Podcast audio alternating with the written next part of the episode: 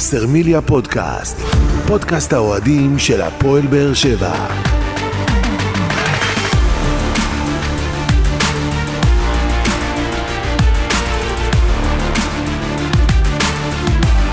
שלום לכם וברוכים הבאים לבשרמיליה פודקאסט. פרק 65 בסדרת פודקאסטים שמלווה את הפועל באר שבע לאורך העונה ותנסה להתמקד בנושאים שאתם, אוהדי הקבוצה, תעלו בפנינו בפלטפורמות השונות.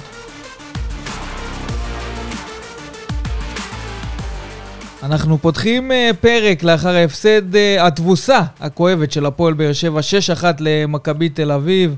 באיצטדיון טוטו טרנר במשחק הפתיחה הרשמי של עונת 2023-2024.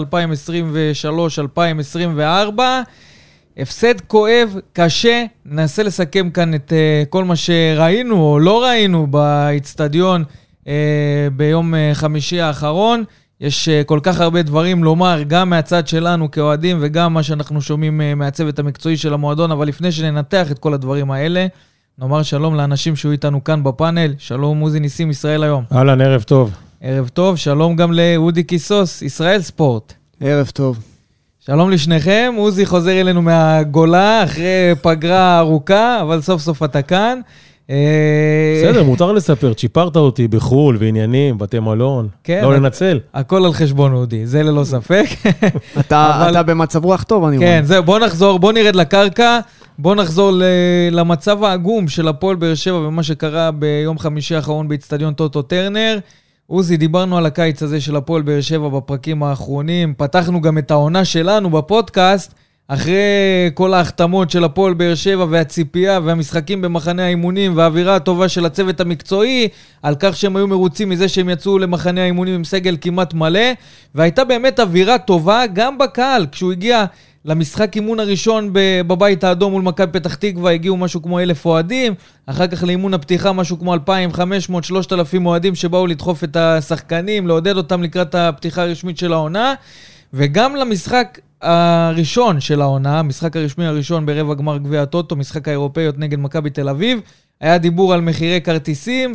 אה, על כך שהכרטיסים לא במנוי, ובכל זאת, אוהדי הפועל באר שבע קנו כרטיסים בהמוניהם, למעלה מ-11,000 אוהדים הגיעו לתמוך בהפועל באר שבע, כי באמת הייתה אווירה וציפייה שהעונה הדברים נעשו כמו שצריך, יש על מי לסמוך. הגענו למשחק הזה, ובסוף הפועל באר שבע מתבזה, הוא סופג את תבוסה קשה 6-1 למכבי תל אביב, ובמכה אחת נחתנו לקרקע. אנחנו שמענו גם את אליניב ברדה בסיום המשחק מתאר את זה כאגרוף לתוך הפרצוף. ואלה התחושות, אלה התחושות, כי ראינו את הפועל באר שבע, בעצם לא ראינו כלום מהפועל באר שבע, ראינו קבוצה... לא נחתת ש... על הקרקע, נכנסת לתוך האדמה.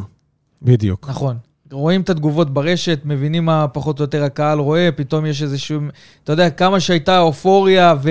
ואווירה לא, טובה לפני המשחק, אחרי לא יודע, המשחק אנחנו רואים אני, בדיוק אני, ההפך. אני אגיד לך אבל... את האמת, לא יודע אם אופוריה, אני חושב שראינו במחנה אימון כמה, כמה משחקים שלא היו, שלא היינו שבעי רצון מהם. אבל אמרנו, אתה יודע, משחקי אימון לטוב ולרע, לא צריך לקחת אותם אה, בכובד ראש, אבל כשאתה הגעת למשחק הזה עדיין בחשש שאתה לא יודע. המשחק בפנתנייקוס, נתן, כאילו, הרים קצת את המצב רוח. הייתה איזושהי סוג של בנייה, כי בסוף אליניב ברדה אמר, במשחקים הראשונים אנחנו מחפשים את הציוותים הנכונים, את החיבור של הקבוצה, לעבוד על דברים טקטיים, ודווקא, אתה יודע, הם כיוונו למשחק הזה מול פנתנאיקוס, האחרון במחנה האימונים. בו, והוא כן, הצליח בו. כמשחק אה, זה היה גם משחק ב- בלחץ גבוה, כן. מול אה, קבוצה מאוד חזקה. וגם ראינו, אה, כמו שאודי אמר, במחנה אימונים ראינו כל מיני ציוותים וניסיונות פה ושם, עד שהוא בעצם הגיע לתלקיד. ואם אתם זוכרים, אותו הרכב שפתח מול פנתנייקוס, זה גם הרכב שפתח מול מכבי תל אביב. אז אתה אומר, זה הרכב שראינו מה הוא שווה מול פנתנייקוס, קבוצה הרבה יותר טובה, קבוצה חזקה, קבוצה איכותית. באר שבע עמדה יפה שם, אבל uh, מה שקרה פה, זה כאילו, הגיעה לפה קבוצה אחרת לגמרי. מה קרה בעצם? כי לא ראינו כלום מהפועל באר שבע. לא ראינו כלום. מה שקרה קודם כל... מההתחלה הייתה תחושה בקרב העיתונאים שיושבים, שמשהו פה לא טוב, משהו לא קורה פה טוב, כי כבר ראינו מההתחלה מכבי ראשונה לכל כדור, מכבי על הכדור, מכבי לוחצת אותך גבוה, ואתה בקושי יכול לצאת, אפילו בקושי יכול לעבור את החצי. אני לא זוכר כמה בעיטות, אם בכלל היו מחצית ראשונה, לשער של מכבי תל זה אביב. היה רק שאלה של זמן, ככל שבוע דקות, בדיוק. מתי ייכנס השער הראשון של מכבי. תל אביב, ומשם זה יתפוצץ, והפועל אני באר חושב שבע... שאפילו השוער של מכבי תל אביב בכלל לא נגע בכדור מחצית ראשונה. כן, שני, שני איומים למסגרת מבחינת הפועל באר שבע, אחד מהם זה השער של רמזי ספורי, שעוד צימק את התוצאה, אה, אבל זה לא זה. לא ראינו מהפועל לא באר זה. שבע כלום ושום דבר, והרבה שחקנים, אתה יודע, שהגיעו, ראינו אותם מבולבלים. מי שיסתכל על התקציר ועל השערים שספגנו, אתה אומר, בואנה, זה לא, זה לא רמה והרבה של ילדים שחקנים א'. גם ראיתי ב- ב- שני, בשלבים הראשונים שני- של המשחק נופלים מהרגליים. שני שחקנים נכון. שלפחות אני מאוד התאכזבתי לראות אותם, ואני חושב שגם לקהל היה ציפייה, ו- והקהל כל הזמן דחף, תיתנו לו, תיתנו לו. אחד מהם זה סטויאנוב, והשני זה בדש. ש... שניהם, אגב, זכו למחמאות מהצוות המקצועי במחנה האימונים. נכון, וגם נכון. במשחק, וגם במשחק נגד פנתנקוס, אה, סטויאנוב היה מצוין, ואני ראיתי אותו נגד אה, מכבי תל אביב. אני חושב שלא היה אה, כדור אחד שהוא לא, שהוא לא הצליח לשמור, זאת אומרת, כל כדור הוא איבד. הוא הפסיד בכל המאבקים שלו כמעט, לפי דעתי, אם אני זוכר נכון. היה, הייתה רכות בלתי נסבלת. אה, בנוסף, כל הקבוצה הייתה מאוד מאוד מאוד כבדה. אה, ואני מצטער להגיד, אבל אה, מרכז ההגנה שלנו, אם חשבנו ש- ששם אנחנו די בטוחים, במרכז ובקישור וצריך להתמקד בהתקפה, בתחילת העונה, שניתחנו את הנקודות, מה חסר להפועל באר שבע, כולם דיברו שחסר את ה... חסר שחקנים בחלק הקדמי. אנחנו רואים שאיפשהו ההגנה והקישור, אה, אולי לשאר הליגה זה, זה יכול להיות, אבל הקישור של מכבי תל אביב נתן לנו נוקאוט. אז ההרכב שפתח במשחק הזה, קודם כל מרציאנו בשער, אלחמיד, ויטור, אבו עביד ולופז, גורדנה, שמיר וסטויאנוב, ובחוד בדש, קלימאלה ופטרסון בחוליה ההתקפית של הפועל באר שבע. ואם אנחנו מסתכלים על החוליה ההתקפית, בוא, קודם, קודם כל נצא מנקודת הנחה שכלום לא עבד במשחק של הפועל באר שבע. שום דבר לא עבד. מהשוער ועד החוד, נסתכל על חוליית ההגנה, חוליית הקישור וחוליית ההתקפה, כלום לא הצליח להפועל באר. שבע, זה היה יום גרוע של כולם, ובאמת לא מובן הדבר הזה, כי אתה מסתכל על הפועל באר שבע ואיך שהיא עמדה במגרש, לא ראית חיבור, לא ראית גישה של באים לנסות משהו, הכל כאילו, אתה סופג שער ועוד יודע, שער ועוד שער, להגיד- וזה הולך, ו- ואתה לא מבין איך קוראים לפעמים אתה יכול קורה דבר להגיד, כזה. שחקן כזה או אחר תפס יום שחור. פה כל הקבוצה. יודע, כאילו, הם לא ידעו מה קורה, לא היו מחוברים, לא היו כלום. וזה היה די תמוה לעומת המשחק הקודם מול פנתנייקוס שראינו, ואמרנו, איפה הקבוצה שהייתה שם? כי שם ראינו קבוצה לוחצת, קבוצה דוחפת. פה ממש לא היה כלום. היה נראה כאילו מכבי הגיע בשיא הכושר, ואתה רק עכשיו מתחיל את העונה שלך, תרתי משמע מתחיל את העונה. צריך להגיד את האמת, אנחנו שימשנו תפאורה למשחק של מכבי ללא תל ספק. אביב. אתה יודע, בשלב מסוים, אני אמרתי, מתי שמכבי תרצה, היא תכבוש את השער שלה. וזה יכול להיגמר גם הרבה יותר גרוע. זהו, אז, אז מכבי לי- תל אביב, לי היו- לי, אה, לי היו שתי נקודות שבר במשחק. הראשונה שהבנתי שהמשחק הזה הולך להיראות לא טוב, היה במצב של 0-0. שאבו עביד הרחיק כדור ליציע כאילו הוא בשכונה, אם אתם זוכרים נכון, את נכון. הסיטואציה הזאת. אני הבנתי שהפועל באר שבע איבדה את זה, ועדיף שנרד למחצית ב-0-0, אבל זה לא קרה. אה, וה... ומה שהכי תסכל אותי זה הגול החמישי. הגול החמישי, זה היה הגול הכי מביך מכל השערים שקיבלנו, ב... מכל השש. כי אני ראיתי שם אה, קומדיה של, לא, לא יודע אם לקרוא לזה... כלום, לא לא אם זה- ראית לא, כלום. לא יודע אם זה לקרוא לזה קומדיה של טעויות, אלא זה היה ברמת ה... ה- החריג לראות את זה, וזה כאילו, אה, הרגשתי לא בנוח. אתה יודע, יש, אה, אם אתה תסתכל על התקציר שוב ותראה את הגול החמישי, אם עכשיו זה משחק על אה, אליפות או משהו, אתה תגיד משהו לא כשר. הכדור מטייל שם... כן, אבל חופשי. בכל הגולים הכדור טייל. בכל הגולים אתה רואה את השחקנים של מכבי תל אביב מטיילים זה- ברחבה, זה זה היה- ואתה לא אבל- מבין איך- אבל איך זה זה היה- חוליית ההגנה מתפקדת לי זה, ככה. לי זה היה נראה יותר מדי חריג. אני אה, חושב שאלדר לופז שמה, ו... עזוב, אני לא אנקוב בשמות. כל חוליית ההגנה הייתה קטסטרופה. השאלה מה זה עניין של חיבור, עניין של יום גרוע של כולם, מה- הוביל את הפועל באר שבע להיראות ככה? הזכרת לי. אני, לפחות לפי, לפי מצב העניינים, מזהה פה דפוס לא טוב של הפועל באר שבע. ראינו את זה גם במחנה האימון, במשחק נגד אה, הפולנים, שהפועל באר שבע נשברה די מהר וקיבלה שלושה שערים, אם אני לא טועה, ב, בתוך כמה דקות, ופיגרה 3-0. כן. ושוב פעם, גם נגד מכבי תל אביב, אה, מהשער הראשון עד השלישי, זה היה עניין של 5-6 דקות של המשחק, כן? כן. משהו פה לא תקין, והפועל באר שבע ובצוות המקצועי צריכים להסתכל על זה. כי ראינו את זה לא רק נגד מכבי תל אביב, גם ראינו את זה במחנה אימון. אבל אם ניקח באופן כללי את כל המשחק הזה, אני מסתכל על הבעיטות למסגרת, אה, שמונה בעיטות למסגרת אה, מבחינת מכבי תל אביב, לעומתם אנחנו רק שתיים. שש בפנים, תראה איזה אחוז. שש בפנים, ונגיע לדבר על אה, מרציאנו שככה סופג אש מהקהל. החזקת כדור, 72 אחוזים למכבי תל אביב. 72 אחוזים החזקת כדור באיצטדיון טרנר מול הפועל באר שבע, כשאתה יודע, אוהדים ציפו לראות, אתה יודע, איזה גליץ', איזה כניסה, אתה יודע. שום דבר קצת, לא היה. קצת לנסות להחזיק לא את המשחק הזה, וזה לא היה מבחינת הפועל באר שבע, ו-9-0 ב... בקרנות uh, לטובת מכבי תל אביב. החזקת כדור זה... שום דבר התקפי, חיובי, שום ניסיון לייצר איזה משהו יצירתי, לא מרכז המגרש שבכלל לא השתלטנו עליו ורואים את זה מבחינת החזקת הכדור, ובהגנה כשאתה סופג ככה, אז כל נתון פה מוכיח שאף דבר לא תפקד לא, בהפועל באר שבע לא במשחק הזה, ובגלל זה גם הקהל... חטף את האגרוף לפנים, וגם הקבוצה, וגם הצוות המקצועי. אני חייב להגיד מילה טובה על הקהל. דקה 75-80, אתה רואה עוד אנשים במגרש. לא רק שאתה רואה, אתה רואה גם את היציא הדרומי מעודד, למרות שהיו כאלה שיצאו וראית את האכזבה. אני לא מכיר גם אנשים בדקה 60 שיצאו, בדקה 65, אבל בסדר, אבל הרוב נשאר. אתה מבין? אם זה היה בעונות אחרות, הרוב לא היה נשאר, ואני לא יודע מי היה נשאר בכלל במגרש. אבל הדרומי נתן להם את הגב, וגם נתן להם סטירה בסוף. אמר להם, תלכו, אנחנו לא רוצים אתכם פה כרגע, כאילו, אתה יודע, בדרך כלל הם באים אליהם והם הם, הם שרים ביחד, לא רצו אותם. ואתה יודע, זה סוג של אה, אמירה. של הקהל, לשחקנים, פגעתם בנו, עכשיו הכדור אצלכם, תרתי משמע, תתקנו את זה וכמה שיותר מהר. אז בואו נדבר על מה שהזכרתי מקודם. אופיר מרציאנו הגיע לנעליים של אה, עמרי גלאזר, ובמשחק הרשמי הראשון שלו, סופג שישייה, ויכול להיות שיש אה, שערים שהוא אשם בהם בצורה ישירה, למשל, הגול של דן ביטון, שראינו שם תגובה מאוחרת של מרציאנו. אני, עם כל הכבוד, לא חושב שהאשמה היא על אופיר מרציאנו. למרות שהוא רשם משחק פחות טוב, זה נכון, אבל uh, צריך לזכור, לפי מה שאני ראיתי, חוץ מהגול של דן ביטון, שום שער... Uh, לא שלו. לא שלו. נכון שבמהלך שהוביל לפנדל, הוא בעט שם כדור, והכדור הגיע בסיטואציה אחר כך, בהמשך להתק... להתקפה, שאבו עביד עשה שם גם פאול מיותר וטיפשי, וגם קיבל אדום.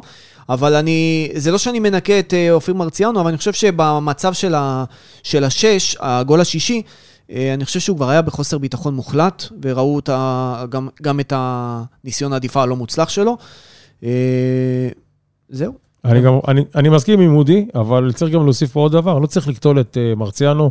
משחק ראשון בסך הכל, אתה יודע, זה יכול לקרות לכל אחד. היו פה שוערים שקיבלו, ואחרי זה הם הצטנו במקומות אחרים.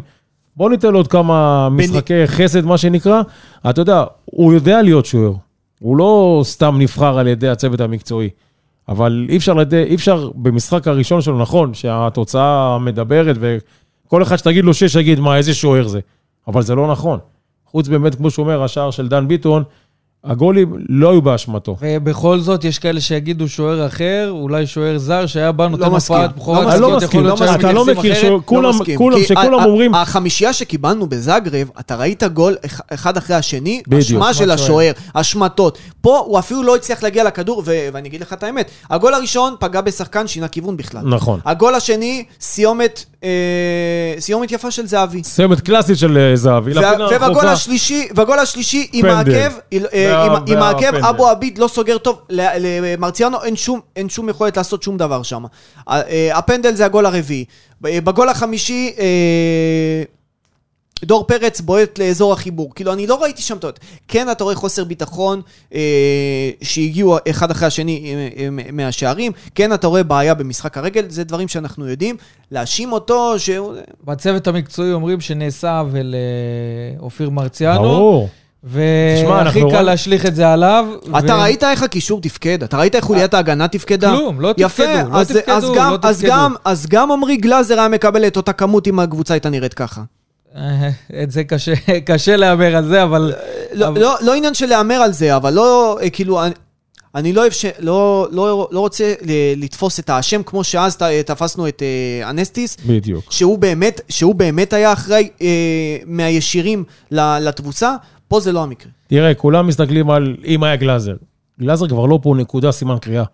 יש לנו עכשיו שוער חדש, צריך לבוא ולהרים אותו בכל מצב, ואני בטוח שאתם תקבלו, שעוד הוא ייתן הצגות, והוא עוד ייקח נקודות ויביא לנו נקודות, והקהל ייהנה ממנו. אחד הדברים... אבל יהיו חייבים להרים אותו כבר במשחק הקרוב ביום חמישי, כבר, לא לחכות עם זה. אחד הדברים שככה עולה בקהל זה העניין שבצוות המקצועי בחרו השנה להשאיר את אה, ניב אליאסי לשוער שני, וככה אין התמודדות רצינית. לאופיר מרציאנו, כמו שהיה נהוג בשנים האחרונות בהפועל באר שבע, כשהיו שני שוערים שנלחמים על עפודת השוער הראשון, ויכול להיות זה שיפר את שניהם, לא יכול להיות בטוח, כי שמענו לא מעט אה, שוערים שעברו כאן ואמרו שהמלחמה הזאת בסוף משפרת את שני כן, הצדדים. כן, אבל הרבה החלטות שהצוות המקצועי מקבל, זה בעצם אה, הנחיות של הצוות הניהולי, הנחיות מלמעלה.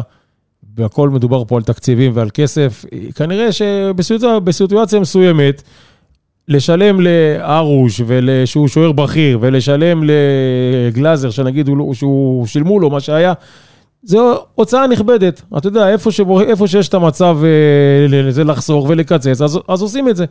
בין... אתה לא יכול, הרי אני, אני מניח שאם אליניב יכל להביא שני שוערים באותה רמה, הוא היה עושה את זה, הוא לא היה חושב פעמיים בכלל.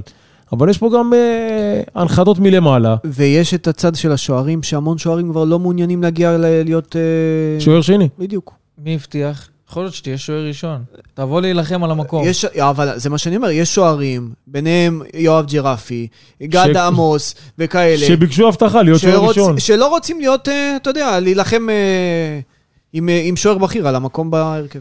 אם אנחנו נסתכל על מיגל ויטור, אחד המשחקים החלשים שלו, אם לא החלש ביותר בהפועל באר שבע, שבאמת לא ברור מה, מה קרה לו אה, באותו משחק, כי אנחנו יודעים שגם כשהפועל באר שבע הייתה חלשה בשנים האחרונות, היה את מיגל ויטור שהוא רמה אחת מעל, ובכל זאת גם אותו לא ראינו מתפקד במשחק הזה, ולא מעט שחקנים שאתה יודע, בהפועל באר שבע ציפו לראות אולי איזה משהו אה, מקצועי אה, חיובי מבחינתם, זה לא קרה.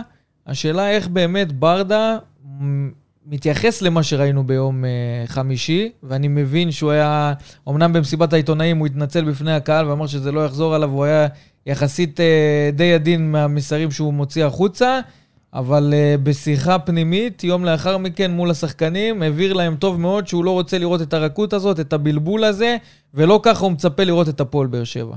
ברור. ברדה, בסוף שנה שעברה היה לו בקשה אחת מההנהלה, זה לצאת למחנה אימונים עם כל הסגל. הוא קיבל את זה. להגיע למשחק כזה עם תזוגת כזאת, עוד פעם, זה יכול לקרות. המבחן האמיתי של השחקנים ושל אליניב זה כבר ביום חמישי הזה. אנחנו נצטרך לראות פה את הפועל באר שבע ב-180 מעלות מהפועל באר שבע של יום חמישי שעבר. כי ככה זה לא יכול להימשך.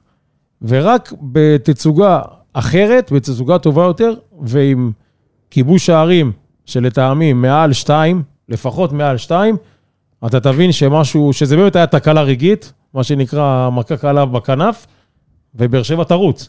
אבל אם אתה עוד פעם תראה משחק שבקושי זז, שאתה יודע, בקושי הדברים קורים, כנראה שיש פה משהו שורשי יותר, שזה יכול לגלגל לכדור שלג, ואנחנו רק בתחילת העונה. אז זהו, בצוות המקצועי מאמינים שזו מעידה חד פעמית, דיברת על זה, אליניב ברדה קיבל את כל מה שהוא רצה כמעט, יכול להיות שדברים שאנחנו לא יודעים, אבל הוא יצא עם הסגל כמעט מלא, כשיש לו עוד איזה עמדה של זר שהוא שומר אותו לבינתיים, כדי לראות איפה באמת הפועל באר שבע צריכה את החיזוק הזה, אבל בפועל, אחרי הקיץ הזה, אליניב ברדה צריך, אה, אתה יודע, לעמוד במבחן שלו, כי יש פה המון סימני שאלה גם על הזרים שהגיעו, של אה, ויתורים על שפי ואנסה, ובמקומם ספר ופטרסון. ספר ראינו אותו פחות מקבל אה, הזדמנות אה, במשחק הזה, פטרסון פתח. אבל זה סימן השאלה שאליניב ברדה יצטרך לשים עליו סימן קריאה, כי זה שני שחקנים זרים שהפועל באר שבע הביאה, גם שילמה עליהם כסף, בכדי שיבואו וישדרגו את המועדון. יש פה, מילה, יש פה מילה חשובה, סבלנות. אי אפשר לצפות משחקנים חדשים, שנה ראשונה מחוץ לארץ, במקום חדש, שחקנים צעירים, ספר בכלל הוא, הוא ילד, ואחרי, בוא נגיד, אחרי ה-6-0 הזה שהיה, שאתה עכשיו תצפה, 6-1, שהם יתחילו עכשיו, שהם יתחילו עכשיו לשטוף את המגרש ולהגיד, וואה. זה מילת הכותרת פה, זה סבלנות לגבי כל זר שמגיע לפה, ויש פה בעיה, אין פה סבלנות. אין פה סבלנות. אני כבר שומע, תעלו אותם למטוס, זהו, אני אגיד לך למה אני שואל את זה, כי הקולות בקהל אומרים, בואנה, יכול להיות שהפועל באר שבע נחלשה בקיץ הזה, אבל איך על ידי משחק אחד לא, אפשר לשפוט? אני רוצה להבין. אני אגיד לך מה הטענות של האוהדים. הם אומרים, אם אנחנו מסתכלים על, אה, על השער, אז הפועל באר שבע נפרדה מגלאזר, הביאה את מרציאנו. לא מעט אוהדים חושבים שבחוליה הזאת הפועל באר שבע נחלשה. אוקיי. אם אנחנו מסתכלים קדימה, אומנם לא נעשו יותר מדי שינויים בחלק האחורי של הפועל באר שבע, אבל נסתכל בחלק ההתקפי. שנייה, אני רגע אעצור אותך בחלק האחורי. למה לא חשבו להביא בלם צעיר? חשבו. ולמה לא הביאו? לא הביאו כי הם שומרים את העמדה הזאת. בהתחלה רצו, אליניב ברדה רצה להביא שחקן זר. אני יודע שרצו, כן, נכון, אתה צודק. אבל החליטו לשמור את זה, כי הם ראו שיכול להיות שתהיה בעיה התקפית במשחק ההתקפי של הפועל באר שבע, אז החליטו שהם שומרים את העמדה הזאת של הזר כדי להביא... הם ירדו מזה, למה? כי בסוף טיבי התפשר והם החתימו את טיבי. בדיוק. עכשיו כרגע, כרגע מסתכלים על חוליית הקישור של הפועל באר שבע, ויכול להיות שלשם יגיע החיזוק. יכול להיות, כי יש לך עכשיו את עדן שמיר איננו חודשיים, עדן שמיר עם קרע. הוא לא יהיה עכשיו חודשיים לפחות. כן. עכשיו אתה בבעיה. אבל אתה מבין שהתובנה הזאת גם הגיעה מאוחר? כי הכוונה הייתה להתחזק בשחקן בחלק הקדמי עכשיו. נכון. אחרי המחנה, שמונה או עשר. בדיוק. ואתה מבין שיש בעיה מאוד רצינית בקישור, כי בלי רועי גורדנה, הקישור שלך לא דינמי, והקישור שלך לא יודע לעשות לחץ. ו... ורועי הוא השחקן היחיד שיודע לקחת כדור, ולרוץ ו... קדימה, ולרוץ קדימה, ולהשתחרר. ולהשתחרר. ולהשתחרר. ושרועי ו... לא בכושר, שרועי חילה פצוע, שרועי עייף, המשחק נעצר. ועם כל הכבוד, אני חושב ששי אליאס ומריאנו בריירו הם לא השחקנים להנעת כדור ולמשחק דינמי, הם שחקנים טובים באגרסיביות, בלחלץ כדורים, אבל הם לא, הם לא, אתה יודע, הם לא יעשו את ה... את, את הפועל באר שבע למבריקה יותר, אני אקרא לזה. מבחינה התקפית. מבחינה התקפית. אה, אבל...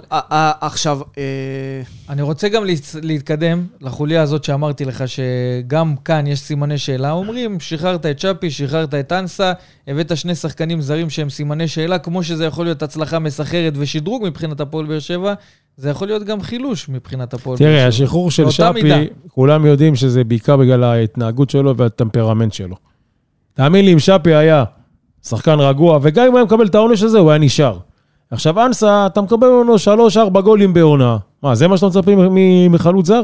שנמצא פה כבר 7-8 שנים, לא יודע כמה שנים בארץ? אתה לא מצפה, אתה מצפה מישהו שייתן לך מספרים, ולא רק יבוא במאני טיים, בפלייאוף ייתן לך 3-4 גולים מרהיבים ויגיד, וואלה, איזה שחקן. לא זה. אז הביאו משהו אחר.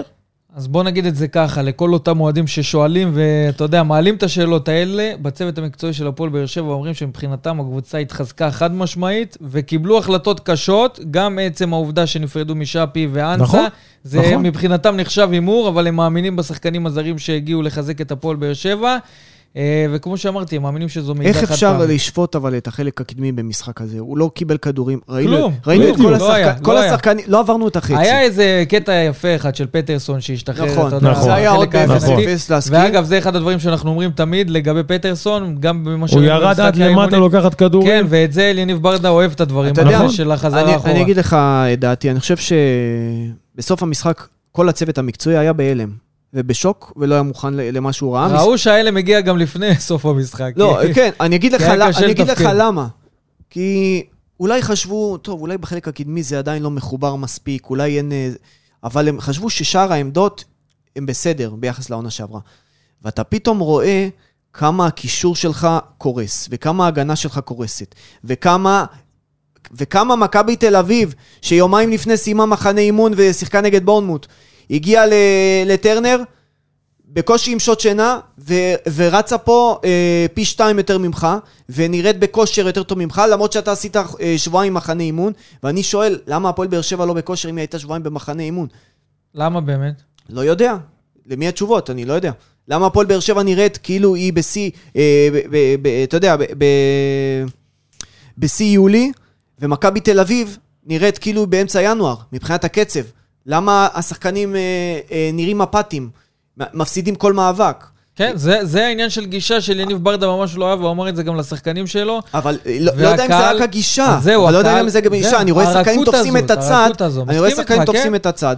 אז אתה, אתה אומר, הפועל באר שבע לא הייתה מוכנה לא רק ברמה המקצועית, אלא גם ברמה, ברמת הכושר הגופני נכון. לא הייתה נכון. מוכנה. ולכן הקהל קיבל את זה בצורה הרבה יותר קשה, כי מבחינת היכולת ומבחינת הגישה, כל הדברים לא תפקדו בהפועל באר שבע. לא ראית טיפה, אתה יודע, איזה משהו חיובי שאתה יכול להתעלות בו. בגלל זה גם ראינו אוהדים יוצאים אה, יחסית אה, מוקדם מהמגרש, כבר באזור הדקה ה-70-80, ואנחנו קוראים את התגובות ברשתות ורואים מה הלך הרוח בקרב הקהל של הפועל באר שבע ואת הדברים שנאמרים שם. מבחינתם זה סוף העולם, אנחנו כבר יודעים שהקהל של הפועל באר שבע זה 0 ל-100 ממשחק אני למשחק. אסביר לך משהו, אני חייב להגיד... זה שחור או לבן, אין כן, באמצע. כן. אסביר- זה אני שחור אסביר- לבן. אני אסביר לך משהו באמת בקטנה. אה, אבל, אבל אם צריך להבין גם מפסיד- מאיפה זה בא, כי אה, יכול להיות עכשיו תלונות של, אתה יודע, משחק ראשון זה כלום וזה גביע לא, לא. טוטו, אבל צריך לקחת ברצינות את תראה. מה שראינו ביום חמישי. אתה בעונת 2017-2018, שיחקת בגביע הטוטו נגד ביתר ירושלים, קיבלת 3-0. נכון. היית עם הרכב משני, הכל טוב ויפה. פה, במקרה הנוכחי, הוא שונה לגמרי. קודם כל, גם אם היית מפסיד עכשיו לקבוצה אחרת, 1, 2, 0, קורה, משחק פחות טוב. אתה הפסדת ליריבה ישירה שלך על האליפות, והתבזית. והתבזית. עכשיו, בעונה שעברה, הבעיה שלנו לא היו שאר קבוצות הליגה והבטן, הייתה קבוצה אחת, מק... היה שתי קבוצות, מכבי תל אביב ומכבי חיפה. איתם לא התמודדת. עד שאתה בא לתת אמרה בתחילת עונה מול קבוצה, יריבה ישירה לתואר, אתה מקבל 6-1, זה לא משהו שהוא בר תיקון. אבל אודי, גם שנה שעבר לא פתחת טוב. אתה זוכר מה היה? אבל לא, אני מסכים עם אודי, עם מה אני שהוא אומר. מסכים עם מה שהוא אומר. כי נבנה פה, אתה יודע, דיברתי על זה בהתחלה, נבנה במהלך הקיץ הוא רב כזה, הוא גם שאמור מדבר על לבוא, זה, אני הוא ובמכה אחת הורידו אותך הוא למכה. גם מדבר על זה שאתה נאבקת, אתה הפסדת מול יריבה ישירה. וכשאני אומר שנה שעברה, פתחת עם שני הפסדים, ואחר כך הפסדת גם לאשדוד.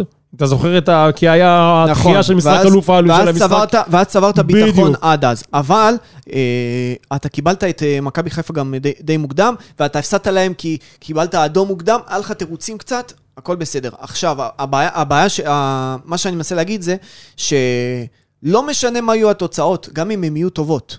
בתחילת העונה... יזכרו את המשחק הזה, זה לא משנה. לא, לא יזכרו את המשחק הזה. יהיה מועד אחד שבו תהיה הזכוכית מגדלת, וזה המפגש הראשון או נגד מכבי חיפה או נגד מכבי תל אביב, שם היא תיבחן שוב. גם אם הפועל באר שבע תעשה 6 מ-6 ניצחונות, או לא, 5 ברור, מ-5, ברור. היא שוב תבוא למבחן שמה. המשחקים עד אז יהיו בונוס לנסות להרים. את ה- והמשחק הראשון הוא מול מכבי חיפה בחוץ. נכון. שמענו את רועי גורדנה בסיום המשחק אומר שיש ימים כאלה שהם ישבו על הוידאו ויעברו על כל פרט ופרט. משחק זוועתי, מסתכלים קדימה, זה רועי גורדנה. תשמע, לא היה להם הרבה מה להגיד, אני הייתי והשחקן הזה. היחיד של הפועל באר שבע שהעלה התנצלות ברשתות החברתיות הוא כריסטופר פטרסון, שרשם, אני מתנצל על הביצועים שלי ושל הקבוצה. נעבוד קשה כדי לחזור חזקים יותר, והוא הודה לקהל על התמיכה בסוף, המדהימה. בסוף השחקן שהיה הכי, הכי אה, פחות גרוע, היה, היה זה שצריך לצאת ולהתנצל ברשתות.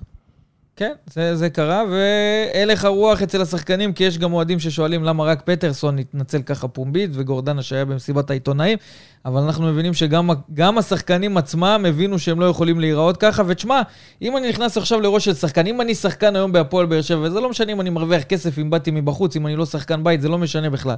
אני כשחקן, לא ירשה לעצמי כשחקן מקצוען וספורטאי שרוצה... לקבל תוצאה כזאת לא ותבוסה רק כזאת. תוצאה, גם נכון. יכולת כזאת. נכון, לא, מסכים לא איתך. הייתי, לא הייתי ישן בלילה טוב אחרי, לא הייתי שלם עם עצמי אחרי, אחרי תצוגה כזאת, במיוחד אחרי שאתה יודע, גם אצל השחקנים נבנה הרעב הזה בעונה האחרונה, ורצו לעשות את קפיצת המדרגה, ויש כאלה בקהל של הפועל באר שבע שאומרים שיכול להיות הכאפה המצלצלת הזאת שקיבלנו במשחק הזה, טוב שהגיע עכשיו, אין בזמן לאן שעוד יש יותר- לנו מה לתקן. אין לאן יותר לרדת. כן. אין. מפה אתה רק תעלה.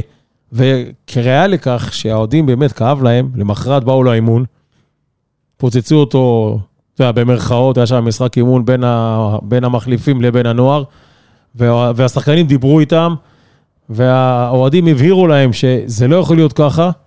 אתה יודע, יש פה, אחד מבין את השני, מה שנקרא. כן. אבל יותר נמוך מזה אי אפשר לרדת. אתה ירדת פה כבר לתחתית של התחתית, מפה רק תתרומם.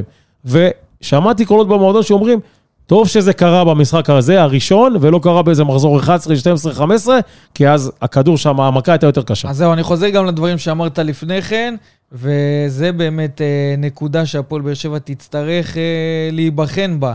מכאן אנחנו יכולים לצאת לשני דברים. אחד, כמו שאמרת, כדור שלג, ולהיכנס ליכולת שאתה מנסה להבין מה לא עובד, ואתה מבולבל ולא יודע איך, נכון. ואיזה חוליה לחזק, ומה צריך כדי לחבר את הפועל באר שבע, ואתה נכנס לאיזה לחץ כזה שיכול להשפיע לרעה.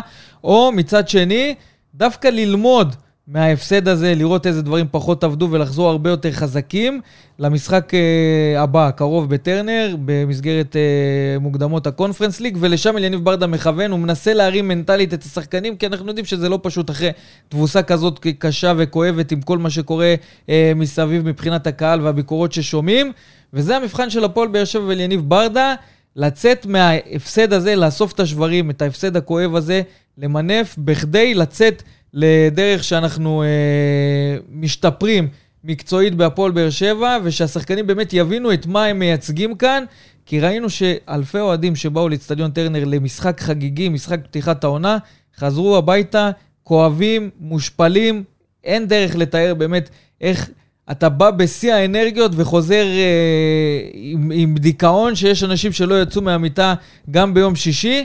ו... וזה דברים שבהפועל באר שבע יצטרכו לקחת בחשבון גם בצוות המקצועי וגם, בשח... וגם לשחקנים, ומצד שני יש את הקהל, שגם הקהל מבחינתו יכול ללכת לשני כיוונים. אחד, להפסיק להאמין בקבוצה, ואנחנו רואים קולות כאלה ואחרים שאומרים שאולי הקיץ הזה אה, הוא קיץ רע מבחינת הפועל באר שבע, או שניים. 90 אחוז מהקהל, 90 אחוז מהקהל, אחרי המשחק, לא מאמין שהקבוצה יכולה לקחת אליפות. ולא סתם אני אומר את זה, או לצאת משם, מהמשחק הזה, לבוא ולהרים את הקבוצה כבר במשחק הבית הקרוב. כשאתה רואה, כשאתה רואה גם שהתקשורת אחרי משחק אחד הורידה את הפועל באר שבע כמועמדת אה, לאליפות, אני רואה כל מיני פרשנים כבר חרצו גורל שמכבי תל אביב ומכבי חיפה יילחמו ראש בראש, ויש פערים. אולי זה משהו ש... ש שיכול לעזור. שטוב גם לאליניב, שמול השחקנים, שהוא לא צריך לעבוד איתם יותר מדי קשה. הנה, אני שם לכם את המראה מול הפנים במשחק אחד. כבר לא מאמינים בכם. לא, מאמינים, לא מאמינים בכם. מבזים אתכם, אגב, צוחקים עליכם. אגב, זה עבד טוב בשנה שעברה, כשעמרי גלאזר התראיין אצלנו פה בפרק ואמר שזה עבד לטובתם בקטע הזה. שהתקשורת פחות ספרה את הפועל באר שבע, ואליניב השתמש בזה. נכון, ועכשיו, בעונה הזאת, הפועל באר שבע הגיע למשחק נגד מכבי תל אביב בצורה די מדהימה, כמעין פייבוריטית או המועמדת הבכירה לקחת אליפות, כי היא בנתה את הסגל מוקדם, יצאה, עם, עם, אה, יצא למחנה אימונים ארוך, וכל הסגל הושלם, ו, ואל יניב יש לו יותר ניסיון מאשר כן, מסאי. כן, שמענו. וראינו, אבל... וראינו שבמשחק אחד... אבל מפה אנחנו צריכים להתרומם גם כקהל, לבוא ולתמוך בקבוצה, ועדיין להאמין, כי אנחנו רק בתחילת הדרך. אמנם מכה קשה וכואבת במשחק הפתיחה, אבל אנחנו יכולים אה, ורוצים להאמין שהפועל באר שבע יכולה לעשות העונה עונה טובה, ואולי ההפסד הזה גם ידליק ככה נורות אה, אדומות עבור הצוות המקצועי וההנהלה, שאולי הפועל באר שבע צריכה עוד איזה שחקן אחד או שניים אה, איכותיים שישדרגו אותנו. קודם ו... כל, יש מקום לבאר שבע לעוד זר, אנחנו יודעים שסלמני מחפשים כל דרך להעיף אותו, אז יהיה זר. להביא ישראלי, תשמע, אני לא יודע איפה. אני גם לא יודע מאיפה אתה יכול להביא ואת מי אתה יכול להביא. איפה תביא? זר אני עוד מבין. יכול להיות שתהיה איזו עסקה שתתפתח, כי אנחנו יודעים שאלונה, ברגע שהיא רואה שהדברים פחות עובדים, היא יכולה להביא גם... איזה ישראלי אתה יכול להביא? בוא, בוא נראה, בוא נראה, יש כמה מהלכים מאחורי הקלעים שקורים. מה שאם... אתה לא מספר לנו? אני לא יודע אם אני אספר או לא, אבל אלונה ברקת, בוא נגיד את זה ככה. אם אני לא מוצא ישראלי, אני, לא, מוצא, אני לא מוצא ישראלי שיכול לשדרג אותך, אלא אם כן אתה הולך על שחקן שאני לא רואה את אייל סגל משחרר בסכום אה, נורמלי, שזה גנדלמן. בוא נראה, בוא נראה. או שיבוא לך איזה ליגיונר שיחליט לחזור לארץ. כן, עוזי פה לא אומר סתם. וישלש את המשכורת שלו. בוא תספר לנו, בוא תספר לנו. לא, כרגע זה מוקדם מדי. זהו, אז אנחנו יודעים... אתה יודע מה יעשו לי מחר עכשיו שישמעו את זה בעבודה? אנחנו מדברים על אותו בן אדם. אני יודע על מי הוא מדבר. טוב, אתה רוצה לחשוף את השם? לא. לא יודע על מה אתם מדברים, אבל אני לא כיוונתי לשום שם. אנחנו נחכה ונמתין ונראה מה הפועל באר שבע יעשו. זה כבר היה בתחילת הקיץ, ירד מהפרק, אני לא יודע אם זה יהיה עוד פעם. חמישי בשעה תשע, אצטדיון טוטו טרנר, סיבוב המוקדמות השני של הקונפרנס ליג, פוגשים את פנבז'יס, אה, מוליכת הליגה הליטאית, אה, שיגיעו אה, למשחק כאן באצטדיון, שבו הפועל באר שבע צריכה להוכיח שמה שהיה שבוע קודם לכן, זה רק מכה קלה בכנף, להציג כדורגל הרבה יותר טוב, ולהתקדם לעבר הסיבוב הבא, אבל בשביל שהפועל באר שבע תנצח, היא צריכה... הרבה גורמים שיהיו לטובתה. גם וגם, אליניב ברדה, אני מעריך, יעשה לא מעט שינויים בהרכב של הפועל באר שבע במסגרת המגבלות שהוא יכול, כי אנחנו יודעים שיש גם פצועים, אבל... אה, אני מעריך שאליניב יעלה עם הרכב שהוא כמה שיותר קרוב. להרכב שהיה ביום חמישי. כן? אה, כן. אתה יודע, עם נקודות, למרות שלא ראינו ממנו יותר מדי? תראה, שמיר לא יכול לשחק, אז אני מאמין שבורר עקרוני יעלה במקומו. בחלק ההתקפי הוא יעלה עם אותה שלישייה.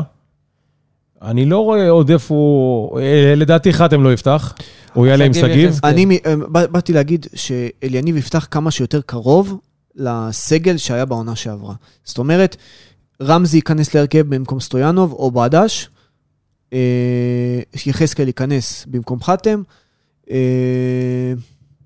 בריירו במקום שמיר. עכשיו אנחנו... אה, בסדר. לרגע התבלבלתי עם אה, אבו עביד מורחק, הוא לא מורחק. לא, לא מורחק, לא מורחק, אבל פאון כן. אל תוציא לנו, אבל פאון כן. פאון יכול לשחק.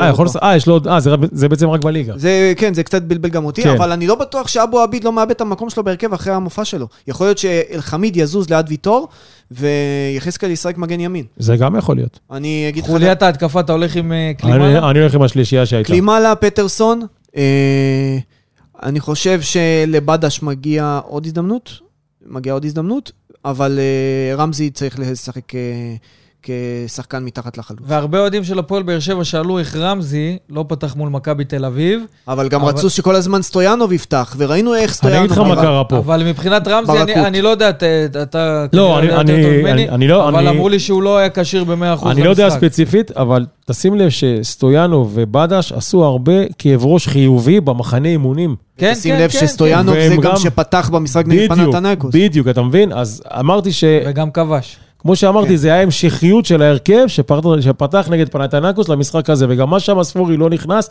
אה, לא פתח, נכנס כמחליף. זה ממש היה אחד לאחד העתק של ההרכב.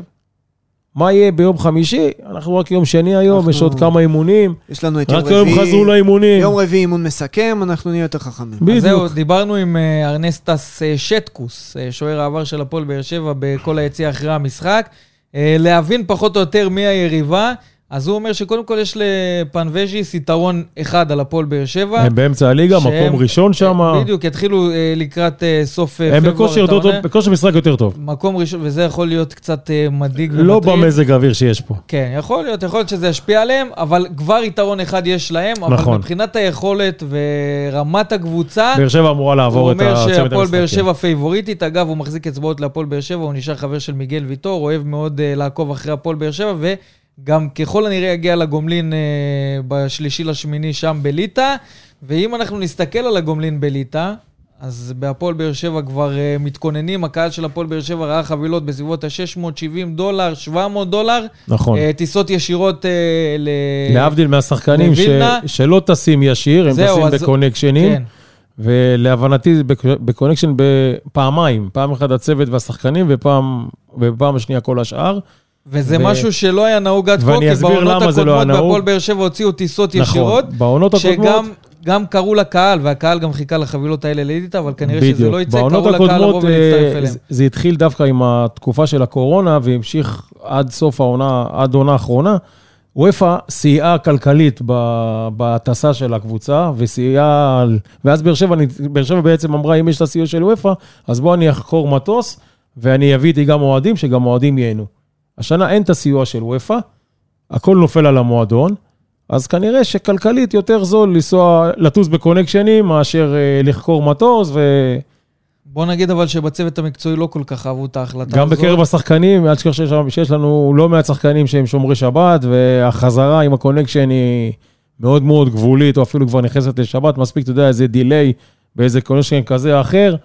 אז קודם ו... כל יש שחקנים של הפועל באר שבע ששומרים שבת, ששוקלים לחזור בצורה עצמאית בטיסה ישירה מליטא לישראל, וגם בצוות המקצועי לא כל כך אהבו את זה, כי הם אומרים שההכנה למשחק לא תהיה אידיאלית כשאתה עושה connection נכון. אה, ב- ביעד שהוא יחסית קצר, טיסה של אה, שלוש וחצי שעות אה, פחות או יותר לליטא.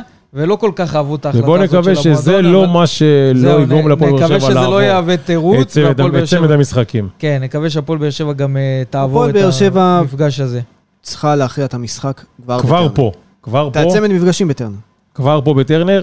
כמו שאמרתי בהתחלה... אבל בשביל שזה יקרה, אנחנו צריכים את מיגל ויטור ביכולת טובה, ואת כל חוליית ההגנה ביחד איתו, וחוליית הקישור שתבוא ותשתלט לה... על המשחק, ותזכיר את חוליית נכון? הקישור של הפועל חייב... באר שבע, החוליה הטובה. וגם לראות קצת יותר משהו יצירתי התקפי. וצריך את הקהל מהרגע הראשון. שהקהל גם ישים, כמו ששחקנים שמים בצד את המשחק האחרון, גם הקהל ישים בצד את המשחק האחרון. יתמוך וידחוף כמו שיודע לעשות, ואני בטוח שהמשחק, הצמד המשחקים יוכרע כבר ביום חמישי נכון בלילה. נכון שזה לא פשוט, נכון שזה כואב, נכון שספגנו פה נכון, מכה קשה, מסכים. אבל אנחנו יכולים או להמשיך בירידה הזאת, או לנסות ולהרים את הקבוצה, לא, ויש. לקהל חלק גדול בהרמת הקבוצה. אני לא יודע איך, איך להגיד את זה, שזה לא יהיה נחרץ מדי או קיצוני מדי, אבל... Uh... למרות התוצאה שהייתה ביום חמישי שעבר נגד מכבי תל אביב, הפועל באר שבע אסור לה אפילו בטעות לחשוב על להיראות, אתה יודע, אולי לא להיראות, לא להיראות, היא חייבת לנצח את הליטאים, לא מעניין אותי איך, בלפחות שניים, שלושה שערים, כי אחרת אנחנו בברוך מאוד גדול להמשך העונה. ואנחנו לא, רוצים, לא רוצים לחשוב מה יקרה. את, אם אנחנו מסתבכים, מסתבכים עם הליטאים, אנחנו בבעיה מאוד. ואתה יודע, גם חייבים לחתוך ולגמור פה הכל, כי היום ראינו, היום הייתה הגרלה של הסיבוב הבא, הגרלה מאוד נוחה. קיבלנו קבוצות שבהחלט אפשר לעבור. שקופי, צפון מקדוניה, אולבסקי סופיה מבולגריה. ולדעתי הדרך... ביניהם, אם אנחנו נעבור, כמובן. כן, לדעתי בוא, הדרך בוא לא לפלייאוף די, די סלולה. עם יעמיק. עם יעמיק. למרות שהיו פה בצמצום, היה אוסטריה ווינה, אתה מבין מה אתה מבין מה יכולת לקבל, אתה מבין מה יכולת לקבל. אלוהים ישמור. חלילה למה שנקרא. אגב, מה שאמרתי לך מקודם לפני התוכנית, אה, אם נעבור לשלב הבא ונפגוש את אה, לבסקי סופיה, בעונה שעברה, אה, לבסקי סופיה פגשה בסיבוב השני את אה, פאוק סלוניקי, והדיחה אותה. עלתה לסיבוב השלישי, הפסידה בפנדלים. למי הפסידה? לקבוצה המלטזית שעפה נגד מכבי חיפה. טוב, היו, היו טובים מול הטובים והיו פחות טובים מול הפחות טובים. זה קשטן שלנו. כן, אבל uh, המשחק הראשון, במידה ו... יהיה בטרנר בעשירי לשמיני, הגומלין בצפון מקדוניה או בולגריה ב-17 לשמיני, אבל יש להפועל באר שבע קודם כל את המשוכה הראשונה לעבור. הפועל באר שבע צריכה להכריע את המשחק כבר בטרנר. בדיוק. כבר בטרנר, ולתת לשחקנים נוספים בסגל להשתתף במשחק הגומלין, להכניס אותם גם לעניינים, הראל שלום, למשל, אה, אם זה יוני סטויאנוב, ש... אם הוא לא יפתח נגד, אה, נגד הליטאים בטרנר, לתת לשחקנים כבר להתגבש ולתת להם אה, ל, ל, כמה שיותר לשחק. אנחנו מבינים שיש גם שחקנים שלא נרשמו לצמד המשחקים. טוב, זה שני השחקנים הפצועים שלנו. שמיר פצוע, חתואל וגם זי אחמד. שככה... אין לך לא... מה לרשום שחקנים פצועים. כן, לא, לא יעמדו לרשותם. ושחקן שאתה לא בונה עליו, אה, זי אחמד, הבנתי שיש פה דיבורים על השאלה כן, לדבר. לסכנין, אז חבל לתפוס את המקום הזה. טוב, לקראת סיום בוא נדבר על עוד משהו שראינו אה, ביום שישי, הודעה רשמית של הפועל באר שבע על השאלתו של אור דדיה לאברדין מהליגה הסקוטית, אה, וככה דדיה נפרד מהמועדון בהשאלה, כשיש לסקוטים גם אופציית רכישה אה, בסיום העונה. אה, באופן כללי ראינו את הקהל אה, ככה מאחל בהצלחה לאור דדיה, אבל מהצד השני, מהצד השני, כן עוזי, למה אתה צוחק? תמשיך. מהצד השני, ראינו את אור דדיה, גם כשהוא חתם לפני כשלושה שבועות על uh, הארכת חוזה עד 2026 בהפועל באר שבע, מודה לאנשי הפועל באר שבע, וגם במעבר הזה לליגה הסקוטית מודה לאנשי הפועל באר שבע. אף מילה, אף שורה אה, בנוגע שלילית. לקהל של הפועל באר שבע. כן, אני חושב שזה משהו שהתבשל. וצריך להגיד שאור דדיה לא ממש אהב את היחס של אה, הקהל של הפועל באר שבע בשנה האחרונה. אה, וככה לא רצה... זה משהו שהתבשל אצל אור כבר uh, מאמצע השנה שעברה. רצה לצאת להתאוורר. רצ... בדיוק, אז זה לא משנה בין אם זה בארץ, בין אם זה בחו"ל, התמזל מזלו, ליגה לא קלה שם. אתה יודע, הוא יכול פתאום להצליח ולפרוח, כי אין את הרעש מסביב, ואין את, ה... את כל מה שעוטף אותו, הדברים הפחות טובים שהוא אוהב לשמוע מהקהל. הלחץ, הלחץ. אין את הלחץ, ואתה יודע, שיצליח, ואם הוא יצליח, אז זה הצלחה שלנו. אז עוד שחקן הוצאת, עוד שחקן מכרת, ושיהיה לו בהצלחה. כן, אנחנו כמובן נחזיק אצבעות לאור דדיה כשגריר באר שבעי שיוצא לקבוצה בחו"ל, ומי יודע, יכול להיות הוא גם יחזור לפועל באר שבע בסיום העונה. יכול להיות. במידה והסקוטים לא ירצו אה, להשתמש בסעיף הרכישה, אה, אבל כמובן, נאחל לו בהצלחה שם. טוב, יום חמישי, הפועל באר שבע חוזרת לאיצטדיון טוטו טרנר, אנחנו קוראים לקהל של הפועל באר שבע. חוזרים אל זירת הפשע. תגיעו לבוא ולדחוף את הקבוצה במשחק שהקהל צריך את, את ה... שהמועדון צריך את הקהל איתו, ואנחנו, יש לנו כוח ומילה לקהל. גם הקהל, גם הקהל צריך את המועדון. בדיוק. כן, כן, כן, כמובן. להרים, כי הקהל... זה בא אחד על חשבון השני, זה בא משני הכיוונים. הקהל בנפ... לא, איך נקרא לזה? נפילת מתח? אני לא יודע איך לקרוא לזה, אבל... האנרגיות של הקהל ירדו במכה. העיר באר כן. שבע בדאון. וחשוב להגיד לקהל שראינו את התורים הענקיים שהיו בכניסות, תגיעו מוקדם, הבידוק השנה הולך להיות קפדני מאוד מאוד מאוד. גם המשטרה וגם המינהלת שמו לעצמם מינימום אבוקות, מינימום פירוטכניקה. בגלל זה אנחנו רואים את כל התורים הארוכים. גם צריך לזכור, אה, יוצא הצום... אה, בשמונה. די בשמונה, בשמונה יוצא הצום, ויכול להיות נכון. שהמון המון אוהדים יבואו בדיוק, בדיוק בצוואר בקבוק של השעה. באמת, תגיעו מוקדם, כי חבל שתפספסו את הדקות הראשונות, את העשר דקות רבע שעה, אחרי זה תתבאסו, תקדימו. יפה. ואנחנו רוצים כמובן לתת מילה טובה לקהל שהגיע למשחק גביע טוטו במספרים גדולים. צריך להגיד שהמשחק הזה... ללא ספק. באירופה אה, כלול במנוי, ככה שכבר מובטח למעלה מ-11.5 אלף אוהדים. אם כולם כמובן יגיעו, אבל יש גם כרטיסים למכירה למשחק הזה, אז אם יש אוהדים נוספים שרוצים אה, לבוא ולהגיע לדחוף את הקבוצה, יכולים גם לרכוש כרטיסים באתר של שפע הפקות. אם יש כאלה שרוצים להביא משפחה וכאלה, אתם מוזמנים. הזמנות אצל בודה. כן, אז אה, אווירה אירופית, אנחנו לובשים בטרנר, נקווה ככה לצאת לדרך חדשה עם אנרגיות אחרות, לשכוח באמת להתחיל את אירופה ברגל קשה, ימין, תרתי משמע. עד כמה שזה קשה לשכוח את מה שראינו ביום חמישי, לפחות לשנות ואתה יודע מה, ניצחון טוב ישכיח. כן. ניצחון טוב ישכיח. לא יודע עד כמה זה ישכיח, יהיה לנו את זה, אתה יודע, בתת מודע. בדיוק, אבל... אבל אנחנו יכולים לצאת מכאן לדרך חדשה. בדיוק, להתחיל להתרומם, ואתה רואה שהכל יתחיל להיות אחרת. יפה, אז כל הקהל מוזמן להגיע ולדחוף את הפועל באר שבע, אנחנו כמובן מחזיקים אצבעות שנראה גם משחק טוב מהפועל באר שבע, נראה ניצחון, נראה שערים, ואנחנו רוצים uh, לפתוח עונה אירופית ברגל ימין, שככה תוציא אותנו uh, עם אנרגיות טובות גם uh, להמשך. אני רוצה להודות לך, אודי ניסים ישראל היום. בכיף, תודה רבה, ערב טוב. אודי גיסוס, ישראל ספורט. תודה רבה, ערב טוב. אנחנו כמובן ניפגש ביום חמישי באיצטדיון טוטו טרנר, שיהיה לנו האחלה של משחק. וסרמיליה פודקאסט, פודקאסט האוהדים של הפועל באר שבע.